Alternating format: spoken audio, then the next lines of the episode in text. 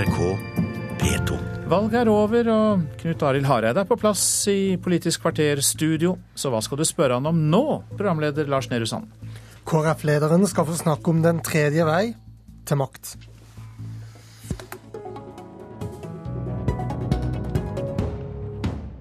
Ja, velkommen, Knut Arild Hareide, leder i Kristelig Folkeparti. Mellomveier til makt mellom eh, Vi begynner på nytt. En mellomvei mellom makt og opposisjon kommer helt sikkert til å bli tema i regjeringsforhandlingene til uken, sier du til Vårt Land i dag. Grei ut. Ja, det er jo sånn at eh, KrF har lovt at eh, vi nå skal få et skifte. eh, Og vi er glad for at det norske folk sier tydelig at vi ønsker et skifte ved valget 9.9. Og da kommer vi til å sette oss ned sammen med Høyre, Fremskrittspartiet og Venstre. Og det er klart, vi vet at det er politiske forskjeller mellom de partiene. Og vi må da først finne ut av hvilken regjering er det naturlig at landet får. Vi har pekt på en sentrum-høyre-regjering. Vi ser at det er ikke den løsningen Høyre sjøl peker på. En firpartiregjering har vi sagt er lite sannsynlig ut ifra den politiske avstanden mellom de partiene. Nå vil ikke jeg utelukke noe, for det er politikken som avgjør her. Og det er nettopp pga. den politiske avstanden vi har sagt at det er lite sannsynlig. Nå får vi avklare det gjennom de samtalene som, som kommer. Men det er klart at det finnes jo òg muligheter for å kunne ha avtaler på enkelte politiske områder, dersom vi velger en regjering som ikke består av alle partiene, annet. Kristelig Folkeparti har jo prøvd en slik avtale før, det er riktignok mange år siden. Men det frista ikke til gjentakelse da, var vel den interne forståelsen etterpå? Det tror jeg er helt riktig. Det var en avtale som var mellom eh, Willoch og sentrumspartiene fra 81 til 83. Men det går jo selvfølgelig helt ut fra hvordan den avtalen blir utforma. Ja, hva slags avtale kan du leve med, da? Jeg tror det som var problemet med den avtalen som Willoch hadde, var at handlefriheten til sentrumspartiene var minimal i den avtalen som ble lagt fram av Kåre Willoch. Og resultatet den gang ble jo at sentrumspartiene valgte å gå inn i regjeringa i 83. Det òg kan jo være noe som skjer denne gangen her, dersom sentrumspartiene velger å stå utenfor regjering. At den òg på et senere tidspunkt kan gå inn. Det som jeg sier er tydelig, at vi skal samtale, vi skal være konstruktive. Det er politikken som avgjør. Og jeg vil ikke begynne å utelukke løsninger nå. Jeg er derimot opptatt av å se på flere løsninger.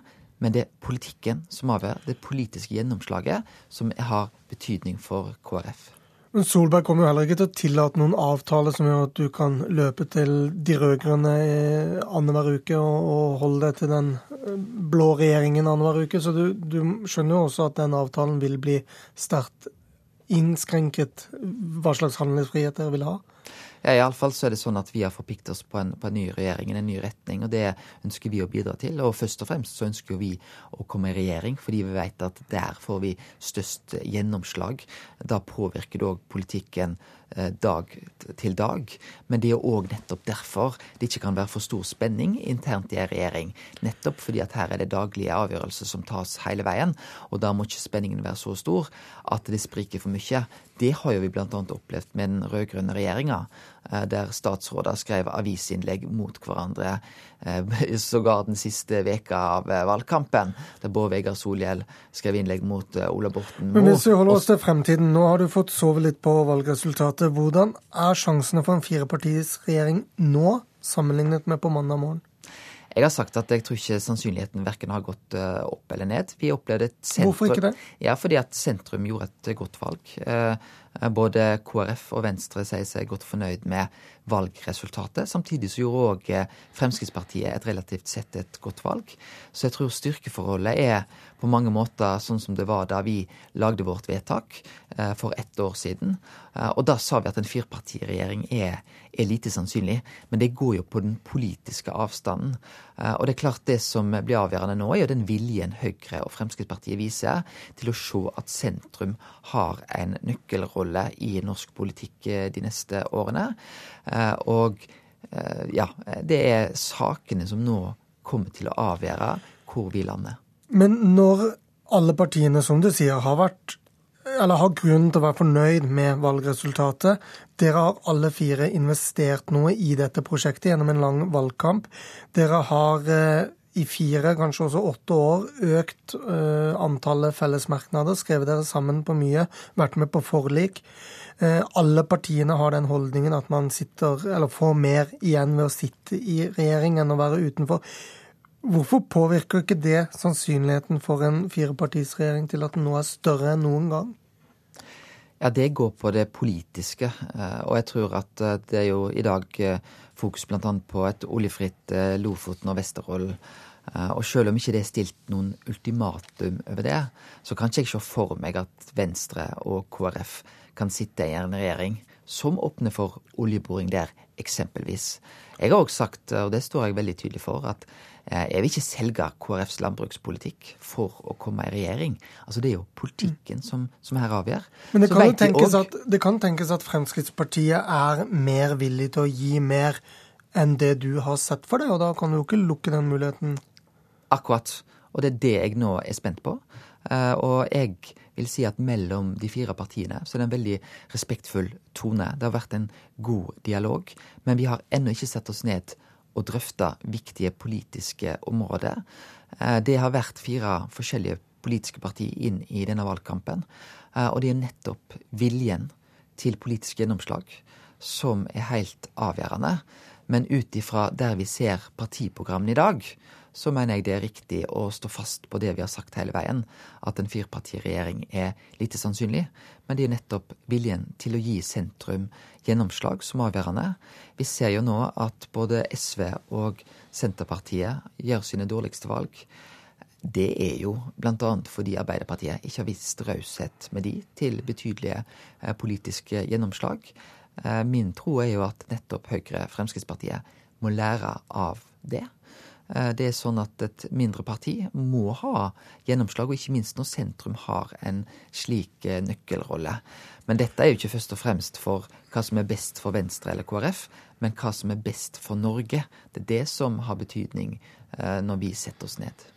Jeg fulgte både rovdyrforlik og klimaforliket, som var de to store forlikene i Stortinget i forrige periode, ganske tett. Og vil du ikke der si at Fremskrittspartiet nettopp var mer kompromissvillige, løsningsorienterte, enn mange trodde før dere satt dere ved bordet?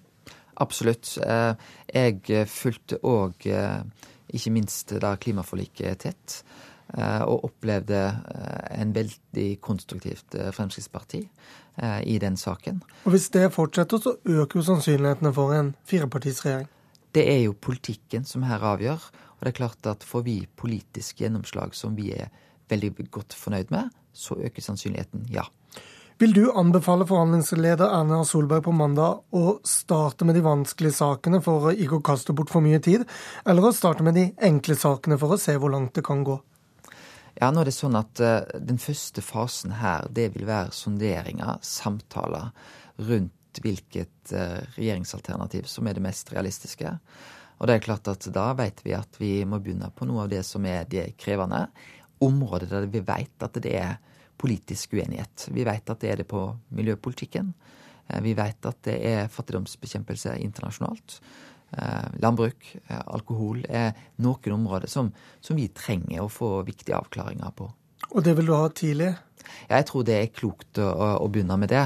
Fordi den type samtaler sonderinger som vil være eh, første fase når vi eventuelt kommer i gang, det vil jo være for å avklare hvilken regjering vi får.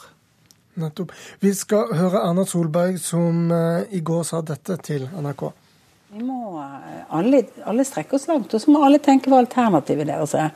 Hvis de vil ha påvirkning for sakene sine, så er det alltid mest påvirkning å sitte i en regjering. Eh, det kan ha en opsjon å sitte i Stortinget og protestere eller skape andre flertall og sånt, men det vil være, være vanskeligere kanskje å få gjennomslag for de sakene som er unike for ditt parti eh, på den måten. Og eh, det er jo litt av det tilbudet som ligger i å sitte i regjering, at du da kan få gjennomslag for noen saker som egentlig det er du, ditt parti, som aller helst vil ha. Og dette øker vel også sjansen for en firepartisregjering når du hører Solberg investere så mye i det, og også er villig til å strekke seg, virker det som. Ja, eh, det er jo klart, eh, men vi vet ikke det før vi har satt oss ned eh, og hatt samtalene. Det vi vet, er at å sitte i regjering, det gir størst gjennomslag. Men vi kan heller ikke sitte i en regjering der vi ikke går god for helheten. Og det er den på en måte avveiningen vi er nødt til å gjøre når vi kommer i samtalene. Og det gjør dere på mandag. Takk for at du satte deg ned her i Politisk kvarterstudio, Knut Arild Hareide.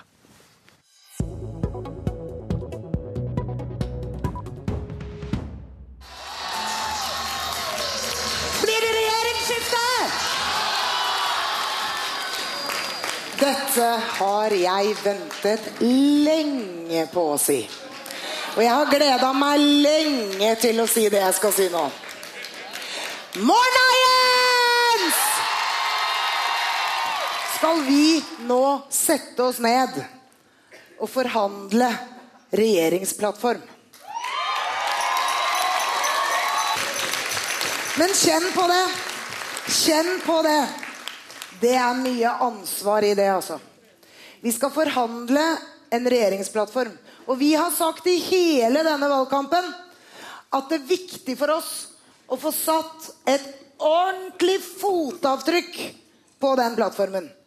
Vi har sagt til velgerne at det er viktig at de stemmer Fremskrittspartiet. For bare da får vi ordentlig gjennomslag for viktige Fremskrittspartiløsninger. Og det har velgerne sagt at de vil ha! Hvis vi står sammen, så klarer vi dette. Et utdrag av Siv Jensens tale, appell, utblåsning, feiring, kall det hva du vil, på Fremskrittspartiet valgvake mandag kveld. Der var ikke du eh, Frp-ordfører i Os i Hordaland, Terje Søviknes, men du så det hele på storskjerm. Og hva mer enn pur glede er dette et uttrykk for? Nei, Det er nok eh, et uttrykk for et enormt engasjement og en masse følelser som, som kommer etter at eh, Siv har jobba knallhardt eh, i mange mange år med å realisere Fremskrittspartiets strategi. I realiteten så ble jo strategien skreven tilbake igjen i 99-2000, da Siv Jensen og jeg satt som nestleder, og sammen med Carl I. Hagen og Jone Halvheim meisla ut eh, en formulering om at vi nå skulle aktivt søke regjeringsdeltakelse sammen med Høyre og om nødvendig Venstre og KrF, som vi sa den gangen. Og etter det så har det vært en opptur og nedtur, og spesielt for Siv, som har hatt et enormt press på seg eh, etter hun overtok som leder etter Carl I. Hagens eh, rolle i, en hel mannsalder. Og hun har hatt det tøft, og lykkes nå Eh, skikkelig, både med å gjøre et godt valg og sikre et borgerlig flertall. og Da, da kommer denne enorme energien til syne. Skribent Bjørn Sterk skrev på Facebook i går at hvis du lurer på hvor triumferingen til Frp-ere kommer fra, tenk tilbake på hva du har sagt om dem de siste 10-20-30-40 årene. Hvor mye av forklaringen ligger her, et parti som har vært mobba og endelig må bli tatt på alvor? Ja, Det er klart at det ligger mye i det. Det har jo på mange måter vært FrPs posisjon eh, som har vært hunsa med, og man har dømt de nord og ned og begravet de, og likevel så har man reist seg som fugl føniks eh, i, i flere runder runder. og for Siv så er dette en enorm seier. og det, det, å kunne da ta Frp inn i nå en regjeringsforhandling, og kanskje i en regjering, det vil bety enormt mye for, eh, for hele organisasjonen. Du tapte en sentralstyreavstemning selv mot Bård Hoksrud for få år siden. Blant det som ble brukt mot deg da, så var det at du hadde stemt for bompengeprosjekt lokalt. Hvordan er forståelsen for kompromiss og konsekvensen av makt i partiet nå? Min opplevelse er at her eh, har det vært en gradvis modningsprosess de siste 10-15 årene. Eh, vi sitter i, stadig flere kommuner eh, og styrer sammen med de andre borgerlige partiene, og en har fått styringserfaring. Og eh, mange har fått med seg kompromissets kunst, i, den forstand at man, man, må finne løsninger som er akseptable for alle partene, for å kunne skape resultat for eget parti. Er Frp-kulturen godt nok forberedt da på hva som er i vente? Jeg tror i hvert fall vi er langt bedre forberedt enn det SV var ved forrige korsvei, når de skulle inn i det rød-grønne prosjektet. Eh, og Så får vi se. Nå er det forhandlinger, og det blir en viktig rolle for Siv å både på ene sida forhandle godt på vegne av partiet opp mot de andre partnerne rundt eh, bordet, og være både tøff og konstruktiv der, men samtidig da jobbe med forankring bakover i partiorganisasjonen via sentralstyre, landsstyre og ut i, i hele rørsla. Ja, for bare kort til slutt. Vi hører jo Siv Jensen her forlange lojalitet og forbereder partiet på, på, at kompromiss kan gjøre vondt. Eh, hvordan er forståelsen for det? Jeg tror den forståelsen er god. Eh, som sagt, Vi har veldig mange eh, lokalpolitikere som etter hvert har erfaring fra å sitte i posisjon, og dette har vært kommunisert eh, godt internt i organisasjonen. Så jeg ser positivt på, på mulighetene. og jeg tenker at De borgerlige partiene har alle sammen interesse av å lykkes med dette prosjektet. og Da tror jeg for min del at man bør sitte i regjering sammen og danne et, en flertallsregjering. Tusen takk for at du var med oss fra studio på Minde i Bergen. Eh, Terje Søviknes. Dette var Politisk kvarter i dag 11.9. Mitt navn er Lars Nehru Sand. Hør flere podkaster på nrk.no podkast.